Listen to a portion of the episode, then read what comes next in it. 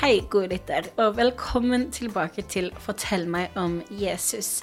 Det er en miniserie jeg lager fordi jeg syns det er veldig lett å prate om Jesus i lys av Bibelen, eller prate om de store opplevelsene i livene til mennesker som jeg ikke kjenner så godt. Men når det kommer til de jeg kjenner aller best og er med på daglig basis, så kan jeg sitte og tenke at hvis jeg skulle fortalt deres vitnesbyrd på bare ett minutt, så hadde jeg trolig ikke klart det. Og dagens gjest er en som jeg ikke er inhabil til, og det ser jeg helt sjøl. Det er Fredrik Lyngås. Jeg heter jo Cornelia Lyngås, så det er naturlig eh, å nevne at han er jeg gift med. jeg og Fredrik har vært gift i et par år. Et par, tre, fire år straks. Eh, og vi har en sønn sammen. Verdens beste unge. Og det sier nok flest, de fleste foreldre, men jeg mener det. Men det som er med Fredrik, er at lenge før jeg og han ble kjærester, og før jeg var forelska i han, så sa jeg til alle jeg visste, eller alle jeg kjente, at Fredrik var den beste mannen jeg visste om. Det er noe med ydmykheten og hjertet hans, og måten han reflekterer over eget liv og tro, som virkelig er til inspirasjon for alle han møter. Uh, og derfor så syns jeg det er veldig spennende å ta en sånn samtale. Jeg vet jo hvordan Jesus har jobba gjennom livet til Fredrik. Men det er likevel noe med å høre han sjøl få lov til å reflektere over de lange linjene av sitt eget liv, til tross for at han kun er 27 år enda. Så gleder jeg meg veldig til å høre han dele om hva Jesus har gjort for han. Så Fredrik, tusen takk for at du, verdens beste mann, universets beste mann, tropper opp her i mitt uh, impromptu podkaststudio og tar en prat. Herlighet, så store ord. Nei, men Men veldig kjekt å være her. Veldig kjekt å få bli med på det her. Eh, Det er jo litt skummelt, men det er veldig gøy også. det er gøy. Hvorfor er det skummelt? Det er bare en rar setting å sitte og, og snakke inn i en mikrofon, og så tenke at folk skal høre på. Men samtidig så er det veldig spennende da, å få lov å dele historien sin og høre andre sin historie. Hvis du skal fortelle meg om Jesus, og hva han har gjort gjennom ditt liv, hvor er det naturlig at du starter da? Da må jeg nok starte i oppveksten. Med fare for å bli han som sier at ja, jeg vokste opp i et kristent hjem og alltid vært kristen. Så, så er det jo det som er realiteten. At jeg vokste opp med Jesus ved sengekanten hver kveld når vi leste godnatthistorier fra Bibelen om Jonah i, i hvalen og Moses som gikk gjennom Rødehavet, og Abraham og hele, hele den gjengen. Vi, vi ba kveldsbønn, vi sang kjente kristne sanger. Og um, det var naturlig for meg å tro på Jesus som liten gutt. Men hei, for et vitnesbyrd det er. Det er det vi drømmer om for vår sønn, at han skal være han som har kjent Jesus hele livet. Ja, absolutt. Det, det er en helt fantastisk oppvekst et nydelig utgangspunkt for et liv med Jesus. Og jeg tror for min del, og for mange av oss, er det sikkert noe man tar som en selvfølge, fordi man har hatt det. Men hvis man ser litt rundt i verden, så er det jo absolutt ingen selvfølge å få vokse opp på den måten med Jesus. Så eh, ja, jeg har vært veldig heldig med oppveksten og hjemme, men spesielt også med, med troa, og at Jesus har vært så naturlig i, i hjemmet i enhver situasjon. Og eh, det er jo flere historier fra min oppvekst som viser hvor tydelig Jesus var en del av livet mitt. For eksempel som fireåring så skulle jeg ut og leke, som jeg ofte gjorde som fireåring, naturligvis. Og da hadde jeg stukket bort med ei nabovenninne til en elv som vi hadde i nabolaget. Den hadde jeg tenkt å krysse, for jeg hadde jo hørt historien om Moses som skulle gjennom Rødehavet. Og jeg hadde funnet meg en lang trekjepp, ganske solid pinne, som jeg holdt i ei hånd, og så hadde jeg tenkt å da spasere over på andre siden, tørrskodd. Nei. Den dagen så var det hadde det regna ganske mye på forhånd, så det var mye strøm i elva. Og jeg som fireåring visste ikke bedre, så jeg rakk staven opp og begynte å gå, og falt rett uti. eh, I kjeledressen som ble full av vann, og jeg ble jo tung og dreiv nedover elva. Husker ikke så fryktelig mye annet enn at jeg prøvde å komme meg opp igjen, og tok tak i noen, noen gresstrå eller noe som vokste på kanten, men det sleit, så dreiv jeg lenger ned. Og til slutt så har jeg da tydeligvis klart å komme meg opp igjen, på en eller annen måte. Veit ikke helt hvordan det logisk sett fungerte, men, men jeg kom meg opp og traska hjem. Og da kom mamma løpende ut superstressa fordi at jeg hadde forsvunnet, og, og møtte meg bare i støvler og dress full av vann. Å, herlighet. Men det sier noe da om at eh, jeg hadde lest om Moses, eller hørt om Moses som kryssa Rødehavet, så hvorfor skulle ikke jeg kunne krysse elva? Naturligvis. Det, hvis det fungerte for han, så skulle det fungere for meg. Og i akkurat i det tilfellet så fungerte det kanskje heller dårlig, men uh, i mange andre tilfeller så fungerte det derimot veldig bra. Og vi, vi ble jo kjent gjennom kirka her. Um, Og jeg vet at kirke er noe som er veldig, veldig viktig for deg. Um, heldigvis. Hvor, hvor starta det? Ja, det begynte jo med søndagsskolen som, som liten gutt, men det var en periode på barneskolen der jeg ikke var så aktiv i kirka. Og ja. Det, det gikk noen år der jeg ikke var fast på søndagsskolen eller i noe ungdomsarbeid. Og så var det en kompis i 7. klasse som inviterte meg til å bli med i det som da var Agapekirka, Puls i dag. Eh, Og jeg ble med dit, en god kompis som, som tok meg med. Og der opplevde jeg kanskje for første gang at troa virkelig ble personlig. Eh, Og det var flere grunner til det. Det starta med at jeg opplevde å virkelig bli sett av noen eldre ledere. Morten Kalve blant annet var Connect-leder på den tida. Og han inkluderte meg i Connect-gruppa si. Og så viste han oss hvordan vi skulle lese Bibelen, hvordan vi kunne tolke bibeltekster. Eh, Han lærte oss å, be, egne bønner, be høyt. Og jeg fikk etter hvert bli med å be før møtet i kirka, altså når vi hadde peptalk. Ble utfordra på å be høyt der, og fikk tungetale. Og det var mye som skjedde som gjorde at troa plutselig ble aktiv i mitt 12-13 år gamle liv. Og Så gikk det litt tid, og så ble jeg utfordra på å bli med i et team. Så jeg ble med på teknisk og på skjerm. Og etter hvert så fikk jeg også være med i det som var barnekirka. Eh, Undervise litt og ha kollektale. Og på den måten Jeg ble disippelgjort, egentlig. I, I beste forstand. Og for meg så ble det en veldig sterk opplevelse av at Gud hadde gitt meg noe som jeg kunne bruke for å tjene Han. At jeg hadde noe som var viktig. Eh, At jeg ble sett for den jeg var, ikke bare for det jeg kunne gjøre, men for meg som person, at jeg hadde en verdi. Jeg fikk ukentlig melding om 'Kommer du på søndag?' og vi håp, 'Jeg håper at jeg ser deg der'. At jeg var ønska det. Og hvis jeg ikke kom en, en søndag, så kjente jeg på at jeg savna å treffe gjengen. Fordi jeg visste at de hadde lyst til at jeg skulle være der. Så det ble en veldig naturlig del for meg å, å gå i kirka. Og, og selv om jeg gikk dit aleine der, så, så var det bare en Jeg måtte dit på søndag. Uansett hvor lenge jeg var oppe på lørdagskvelden, så skulle jeg i kirka. Og det ble et sånt fundament for min tro. Eh, en trygghet i bunnen der som gjorde at jeg etter hvert fikk oppleve mer og mer med Jesus. Jeg fikk oppleve, spesielt gjennom tungetale, at når jeg ba i tunge, så fikk jeg tanker og opplevelser med Gud som, som jeg bare skjønte at det her kommer fra Gud. Det her er noe som han har gitt meg en idé, en, um, en påminnelse om ting. Kanskje jeg skulle oppmuntre noen, kanskje jeg skulle be om noe konkret. Eh, Og så merka jeg at når jeg tok det på alvor, så, så var det riktig, det. Mm. det- Det var godt. Husker du da du ble åndsdøpt, og hvordan det var å ta det i tungen første gang? Ja, det, det var en veldig spesiell opplevelse. Det var faktisk her i, i Charge. Ja. For det var jo ikke noe ungdomsarbeid i eh, Agapekirka på den tida. Så jeg gikk her på fredagskveldene. Hvor gammel var du da? Jeg tror det var 14-15 år. Eh, Da var jeg på et vanlig fredagsmøte, og så var det faktisk Karoline, søstera di, som hadde undervist. Hei, hei. Og hun holdt en tale om Den hellige ånd, og så spurte om det var noen som hadde lyst på tungetale. Og jeg var jo i fyr og flamme fra før, så jeg var jo kjempeklar for det. Og rakk opp hånda og ble bedt for.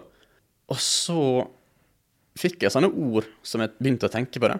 Eh, Og så syntes jeg det var veldig rart, for jeg er en ganske logisk person. Så i mitt hode så tenkte jeg liksom at ja, nå, nå har jeg hørt at jeg skal få sånne ord, så nå tenker jeg bare på sånne ord sjøl, fordi at det er det som er riktig å gjøre.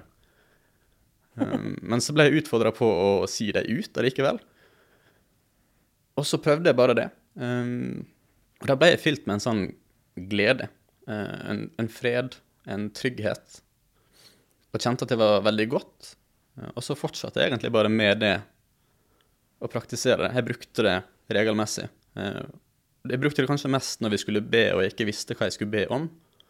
Så ba jeg i tunge, og så fikk jeg ting som jeg kunne be for. Mm.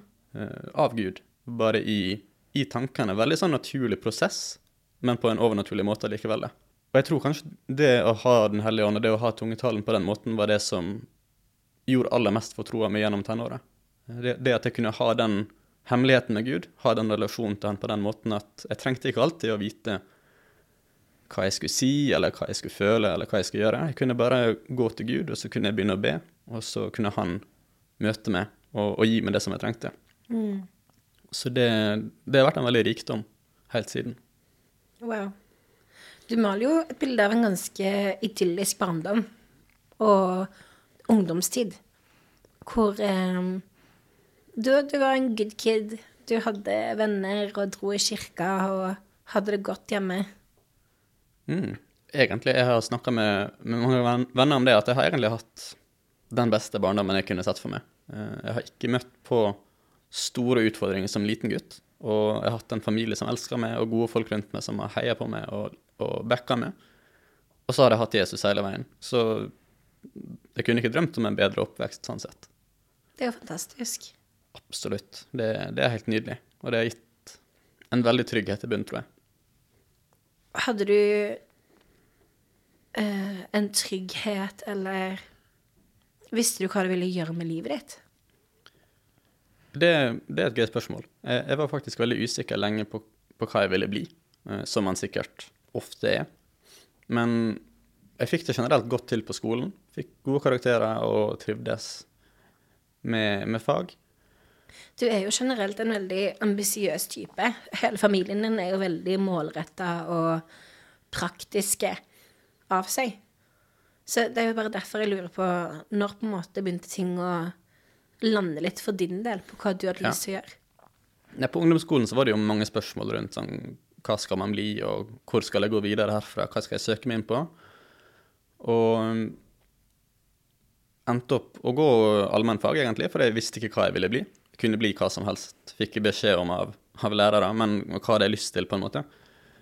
Eh, Det var egentlig først på vei til sommerferie som 16-åring at jeg fikk en opplevelse av at jeg skal jobbe med kirke. Da hadde jeg granska alle mulige yrker og yrkesveier og utdanningsløp. Og ungdomsskolelæreren min sa at jeg kom til å bli statsminister en dag. Det var jo veldig hyggelig kompliment, men jeg hadde ikke lyst til å bli noen statsminister. Og så fikk jeg da opplevelsen av at OK, kirke. Jeg har lyst til å drive med kirke. Jeg kom bare i bilen på vei til sommerferie. Så sa det bare ut høyt hele familien i bilen at ja, det skal jeg gjøre. Og det opplevde jeg bare at Gud ga til meg det. Eh, helt ut av det blå. Jeg hadde ikke tenkt på det før. Men det ble bare en sånn bevissthet i meg. At det skal jeg satse på. Og det ble jo da utgangspunktet for valgene som jeg tok videre gjennom tenåret. Um, egentlig samtidig som det valget her, uh, utpå høsten og, og våren etterpå, så begynte jeg å oppleve et gjennombrudd i gaming. Jeg hadde jo elska gaming hele oppveksten og spilt alt fra Super Mario til spill om verdensrommet og ja, hva enn du kunne finne. Men da hadde jeg begynt å spille et nytt spill som het League of Legends, og jeg ble veldig god i det. Så reiste vi rundt og vant noen lokale turneringer, og så noen nasjonale turneringer. Jeg ble uoffisiell norgesmester, av alle ting. Oi, oi, oi. Ja, det er stort. Legg den der. Ja, det står på CV-en, så det, det, må, det må nevnes. Står det faktisk på CV-en din? Nei, heldigvis ikke. Å nei, OK. Men da fikk jeg faktisk eh, tilbud av et, et spillselskap om å spille profesjonelt. Jeg fikk kontrakt og kunne spille for deg og reise rundt og delta på turneringer og få betalt.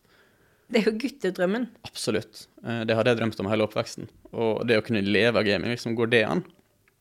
Det gjorde det faktisk eh, til en viss grad. Men da ble jeg stilt for valg, fordi jeg hadde opplevd sommeren før at jeg skal jobbe med kirke. Eh, Og kan man ikke gjøre det og game samtidig? Jo, selvfølgelig kan man kombinere det. Men hvis jeg skulle satse på gaming og bli proff, så visste jeg at det tar veldig mye tid. Da må du spille som en jobb, åtte timer dagen. Og mest sannsynlig så måtte jeg nok også flytte til utlandet. Det var en jeg spilte sammen med som også var veldig god. Han flytta til Tyskland omtrent på den tida. Droppa ut av videregående, tok friår. Flytta dit, inn i et gaminghus og satsa skikkelig på gaming. Uh, og han ble proff. Et gaminghus. Ja, han bodde sammen med fire andre lagspillere. Et så, kollektiv, liksom. ja, og så trente de med eh, liksom en manager og trener som styrte kosthold, og som sørga for at jeg sov godt. Og Wow. hadde strategier og alt mulig. Veldig proft som en, en hva som helst annen sport. Mm. Så da skjønte jeg jo at OK, hvis jeg skal velge det, så må jeg flytte fra vennene mine. Jeg må kanskje ta pause fra utdanning. Hvis jeg opplever suksess, som det absolutt ikke er noen garanti for at jeg gjør, så kan jeg tjene godt på det. Men det var så mange andre ting jeg måtte ofre. Spesielt venner som jeg måtte flytte fra. Men også at jeg måtte dra fra kirka. Og det som jeg virkelig opplevde der som meningsfullt. eh, og som noe som Gud hadde gitt meg og lagt på hjertet mitt. Så det var mye fram og tilbake i den tida på ok, hva skal jeg velge. Til slutt så landa jeg på at nei, jeg må bli hjemme. Jeg må fortsette i kirka. For det, det, som, det var det som ga meg den dypeste tilfredsstillelsen. Det var det som jeg opplevde som meningsfullt, og, og hensikten med mitt liv. Du opplevde en fred, rett og slett? Ja. Eh, det var alltid gøy å spille, men mm. samtidig så kunne jeg legge meg gråtende på kvelden fordi at jeg hadde spilt dårlig og ikke opplevde fremgang. Det, det var veldig mye wow. press på meg sjøl og forventning til at jeg skulle bli bedre og prestere og få det til. Så det var en sånn dobbeltsidig opplevelse av, av spillinga. Med, med, en gang det ble så seriøst, så ble det også mm. ikke bare gøy lenger. Men hvordan det spenner For du, du gikk Hvordan det kjentes ut, for du gikk jo i kirke fremdeles da? Mm. Så du var i kirka på fredager og søndager? Mm. Og hørte om Jesus og hans kjærlighet og identitet, og, um, og lærte om deg sjøl i lys av Bibelen og kristen tro. Og så er spennende det at du ligger og gråter på kvelden fordi at du ikke har prestert mm. som du ønska med gaming. Ja, det er et lite paradoks, egentlig. Eh, for jeg visste jo godt hva Bibelen sa om meg, og hvem Jesus sa at jeg var. Men samtidig så hadde jeg opplevd så mye mestring og så mye identitet gjennom gaming, og det jeg fikk til der. Det var så mange som bekrefta rundt meg og heia på det, og, og jeg sjøl opplevde virkelig at jeg fikk brukt evnene mine fullt ut. Så ja, det er ingen tvil om at gaming ble en stor del av identiteten min, eh, sjøl om, selv om jeg hadde troa av kirka. Eh, jeg tror det handler om hva man bruker tid på. For meg så var jeg mye i kirka, og det var en stor del av livet mitt, men jeg brukte aller mest tid på gaminga. Mm. Jeg brukte aller mest eh, tankekraft og ja, alt jeg hadde overskudd, gikk til det heldigvis så hadde kirka som en prioritet hele veien, så, så jeg holdt alltid fast i det. Mm. Um, men jeg, jeg, tror det gjelder sånn generelt i livet at ja, troa, den har man, men hvis man bruker mer tid på andre ting, så er det fort det som får lov å definere oss. Mm. Det er fort det som får lov til å forme identitet og forme drømmer og tanker og tro. Wow, veldig sant. Så um, Klarer du å Altså, det må jo ha vært vanskelig da som 16-17, 18-åring. Men nå som du er voksen, klarer du å Klarer du å se om du Klarte du å gjenkjenne der og da at det kanskje ikke var det sunneste? Eller at det, at det var noe Ikke ga... Altså, det er jo galt, men at det var noe som ikke helt stemte, det, med å skulle legge seg og være så knust over, over gamingprestasjon? Altså, innerst inne så kjente jeg jo i meg sjøl at det her var ikke det beste for meg. Eh, jeg var ikke så veldig opptatt av om det var synd eller ikke. Jeg tror ikke gaming i seg selv er synd. Samtidig så tror jeg alt som blir en avhengighet og en av, kan bli en avgudsdyrkelse. Altså, ja. Per definisjon kan være en synd, men det er ikke det som er så viktig, hva man definerer det som. Eh, det som var viktig, var jo at totalt sett så ga gaming meg veldig mye, men det to koster veldig mye, og det koster veldig mye. Ja. Eh, og den den utregninga der da, av hva det gir meg mot hva det tok eh, Hvis du setter den opp imot tida jeg brukte på det, så var det nok en dårlig investering av tid mm. eh, for meg. Og uh, hadde jeg brukt den tida annerledes, så hadde jeg nok fått mer glede og mer overskudd igjen. Gått mer i pluss, det. Og det var litt det jeg kjente på. At um, først og fremst så hadde jeg ikke lyst til å satse, for jeg hadde ikke lyst til å leve det livet uh, som det ville blitt. Uh, jeg hadde fort blitt konkurransefokusert og inn i en festkultur og bort fra venner. Og ja Noe som ikke var så veldig fristende. Um, men bare hjemme også, Jeg fortsatte jo å game. Jeg slutta ikke med det selv om jeg ikke ville bli proff. Jeg var veldig glad i å spille. Og jeg kunne hele tida kjenne på at hvis det ble for mye, så ja, Da valgte jeg bort mye annet da, som, som kunne være bedre for meg. Uh, og spesielt de kveldene jeg lå og gråt fordi jeg hadde gjort det dårlig, eller fordi jeg følte meg dritt, så merka jeg jo at det her gir meg egentlig ikke det jeg trenger. Eh, det er jo det som er med gaming generelt, at i øyeblikket så er det kanskje det gøyeste som finnes i hele verden. Fordi at det er designa for å tilfredsstille det. Det er designa for at du skal få mestring, at du skal føle det bra. Det utløser masse hormoner i hjernen som gjør at du, du blir lykkelig.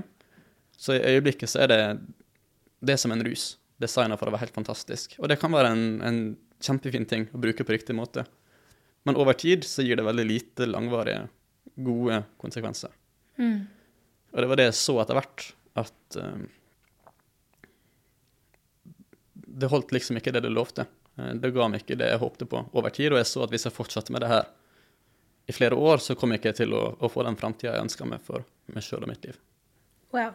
Og det er jo en nydelig kontrast til Jesus. Mm.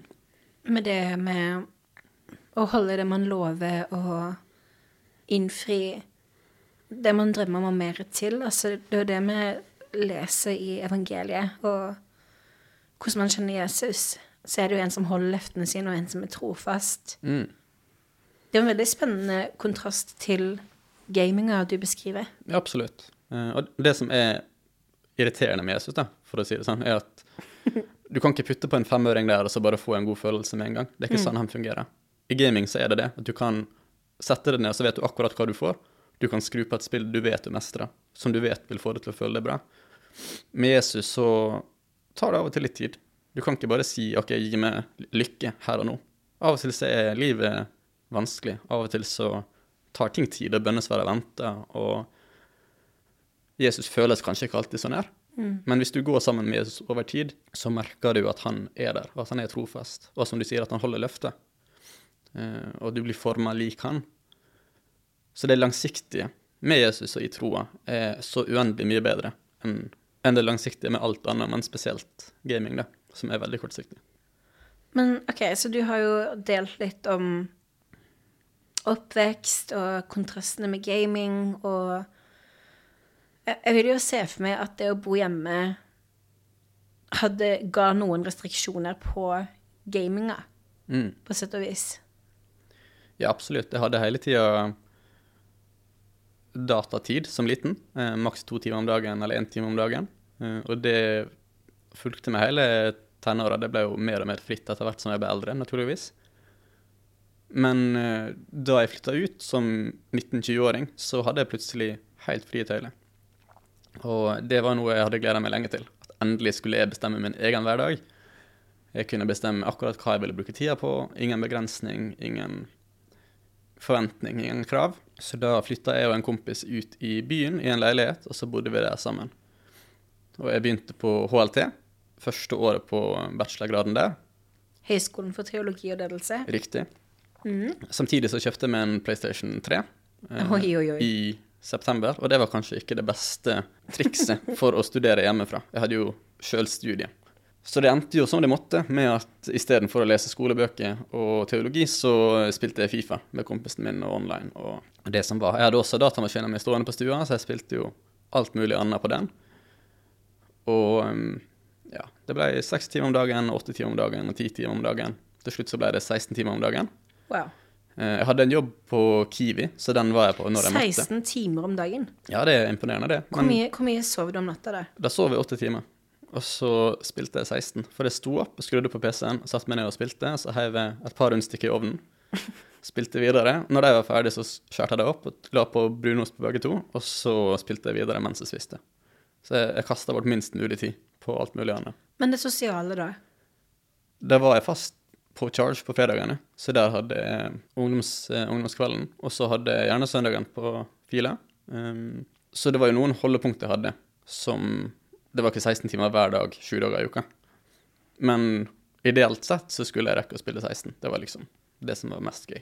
Og eh, det holdt jeg på med i en liten stund, og så etter hvert Hva er, hva er en liten stund? Først holdt jeg vel på med det et par måneder, kanskje. Så merka jeg etter hvert at den gleden som det hadde gitt meg, den ble liksom mindre og mindre. Det er litt som når du spiser sjokolade. Så er det veldig godt første biten, eh, og så må du spise mer og mer. Men etter hvert så slutta det liksom å gi den samme gleden igjen. Det. Mm. Det hjelper ikke på samme måte. Så da måtte jeg finne noe som var sterkere, som man gjerne sier. Eh, Og da snubla jeg over gambling, som basically er pengespill. Jeg hadde jo alltid hatt stor suksess i gaming, og alltid fått til det, så jeg tenkte at ah, OK, jeg kan spille med penger, jeg er flink på spill, da kan jeg sikkert tjene masse. Problemet var at jeg ikke visste at gaming er designa for at du skal vinne, sånn at du blir glad og spiller mer, mens gambling er designa for at du skal tape, sånn at jeg får pengene dine. Det var ikke jeg klar over. Så jeg hadde studielån, jeg hadde sparepenger, og i løpet av noen få måneder så hadde jeg spilt bort alt sammen. 100 000 kroner. Eh, og det var veldig, veldig ekkelt og vanskelig. Jeg var veldig skamfull. Var det noen som visste om det?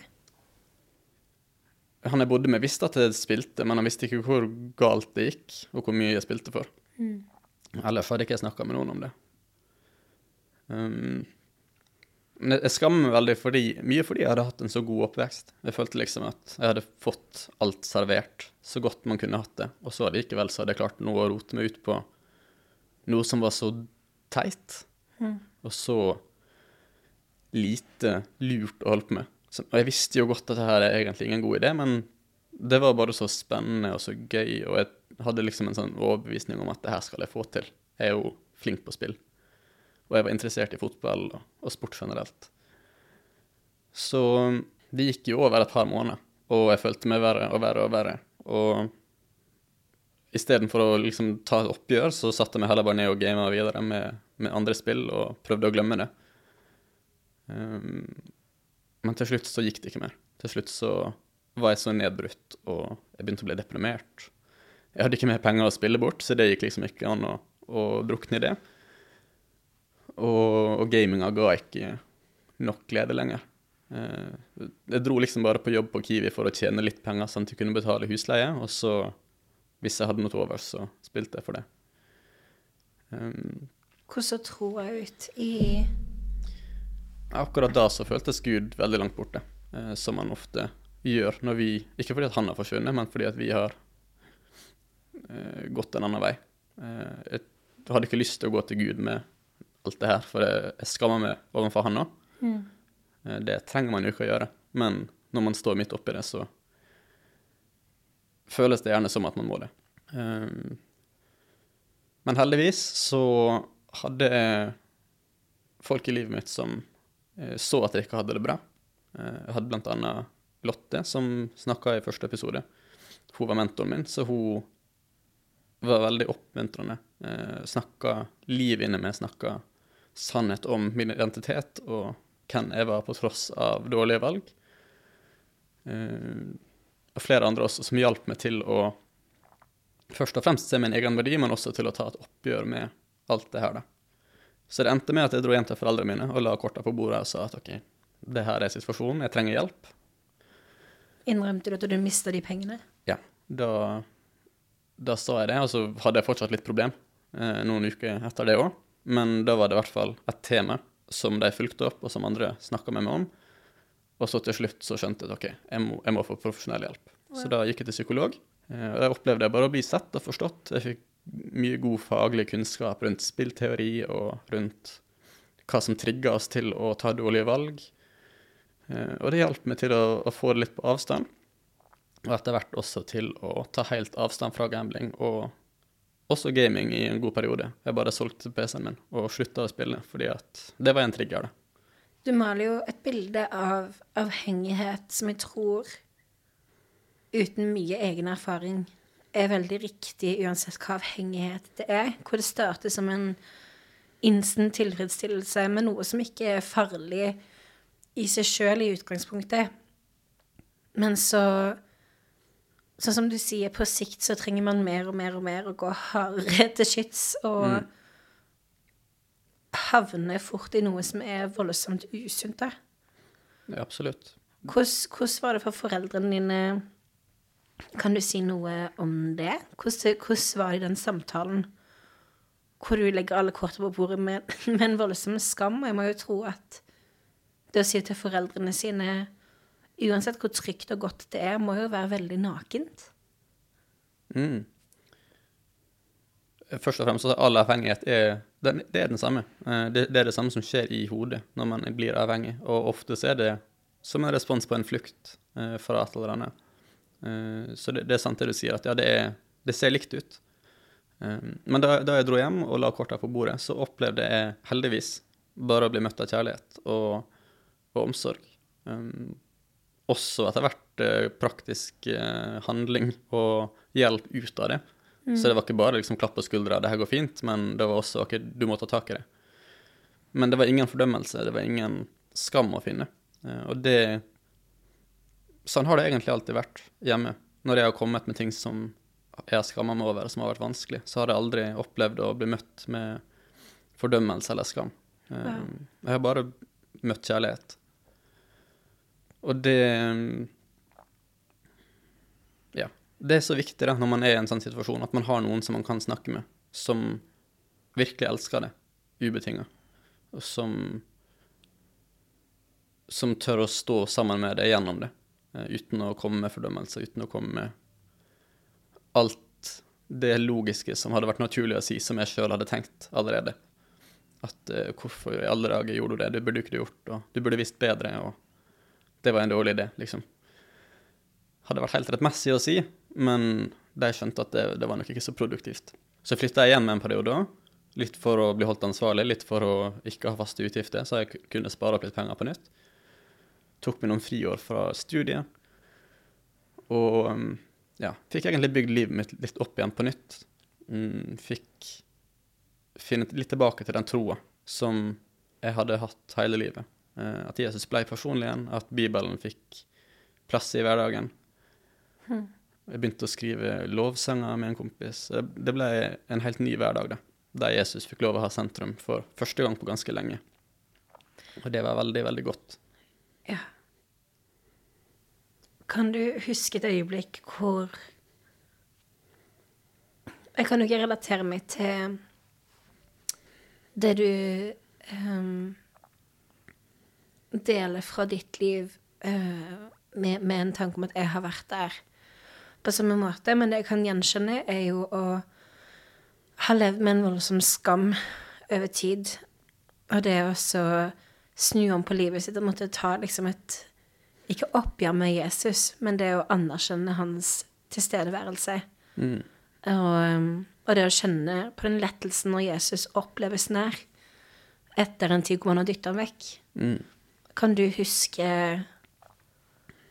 noe sånt? Kan du gjenkjenne den følelsen, eller husker du liksom et øyeblikk hvor Jesus ble nær? Jeg tror egentlig det for alvor skjedde da jeg og Håkon skrev 'Ubetinget', mm. som vi har gitt ut her i kirka. Eh, det var en sang jeg skrev direkte ut ifra den opplevelsen av å bare ha kasta bort alt, eh, men så elska Jesus meg likevel. Og mens vi skrev den, så Det var egentlig en bønn fra meg. Det var ikke noe jeg, kjente på der og da, men det var noe jeg visste var sant, og som jeg hadde lyst til å føle på. At Gud elsker meg uansett. Og så gjennom den prosessen av å skrive sangen og synge den igjen og igjen mens vi fant riktig melodi og riktige ord, så tror jeg jeg begynte å tro på det sjøl òg. Jeg begynte å Jeg begynte å oppleve det, at det faktisk var sant. da, At Gud elsker meg uansett. Um, og det Ja.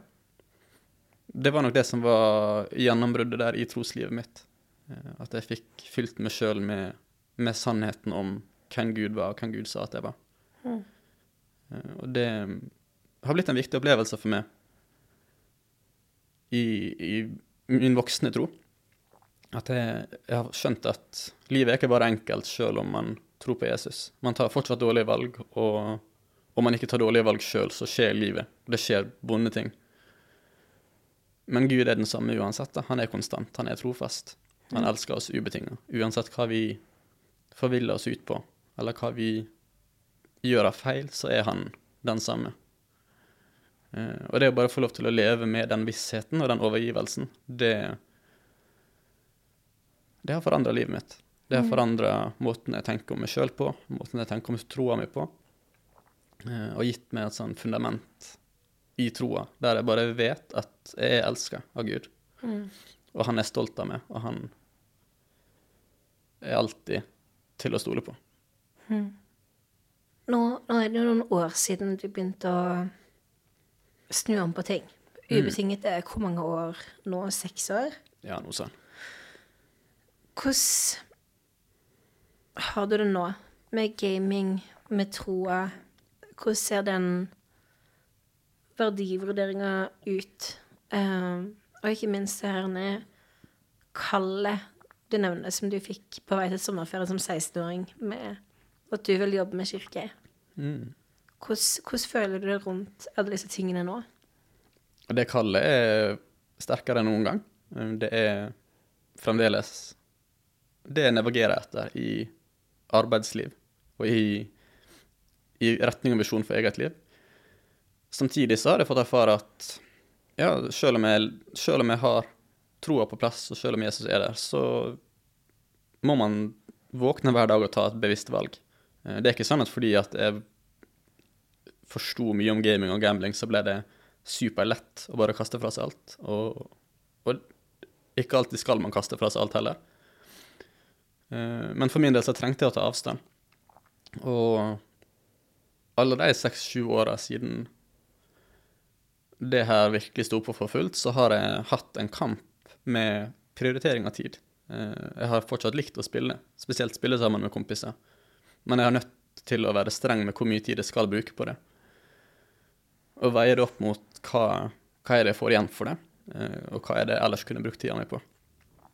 Og eh, noen ganger så har jeg gått på en smell, både i form av gaming, men også gambling, og opplevd at uff, det her trodde jeg var ferdig med. Um, men istedenfor å da gå tilbake i skam, så har jeg raskt kunnet gå tilbake til Jesus og erkjent det og gitt det til han. Og det har vært den store forskjellen. Mm. Og sånn tror jeg livet egentlig er uansett. Jeg tror aldri vi blir kvitt alt av utfordringer.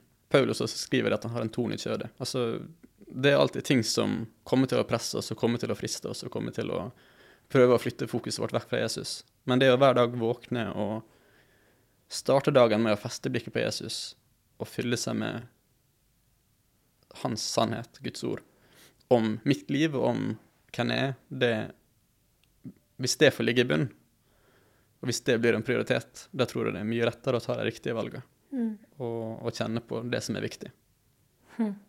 Uh, Fred, mens vi går til en avslutning eh, i den samtalen Jeg syns du nevner veldig lite om de vakre og kloke konene midt oppi alt. Det kan du ta litt kritikk på. Ja. Um, jeg kan snakke om det seinere, egentlig. Nei, du, jeg lurer, jeg lurer på Du har jo sagt veldig mye om det og om Guds trofasthet og karakter. Men hvis du kunne fortalt meg én ting om Jesus som du har fått erfare som en dyp sannhet i ditt liv, hva mm. sier du da? Jeg tror det må bli at Guds kjærlighet er Den er konstant. Den er ubetinga eh, for ditt liv. At Gud virkelig elsker det, og han vil det bare det aller, aller beste. Um, for hvis man får lov til å erfare det, så forandrer det på alt. Så um, ja. Så enkelt, men, men så viktig allikevel. Mm. Gud elsker det. For den du er, uansett hva du har gjort. Og ja, helt ubetinga. Wow. Tusen takk for at du tok tid i din uh, viktige arbeidsdag til å prate med kona di om livet og om Jesus og din reise. Tusen takk for at du er så ærlig. Um, og deler så åpent. Jeg vet jo at gaming blir jo bare et større og større tema i um, vår kultur og hverdag også. Uh, og jeg er sikker på at det er veldig mange både, både gamere og foreldre og eh, venner av gamere som kommer til å ha Eller venner av avhengige generelt, som kommer til å ha utrolig mye mat av den samtalen her. Og absolutt alle andre også. Du er fremdeles verdens beste mann, i mine øyne, og jeg er sikker på i noen av lytternes øyne også, og ører. Men da må jeg minne dere på han er gift. Han er off the market. Ja, godt er det. Ja, godt er det. Nei, men det har vært så gøy å få være med. Tusen takk for muligheten til å dele min historie. Så altså. håper jeg at den er matnyttig for noen. Det skulle bare mangle.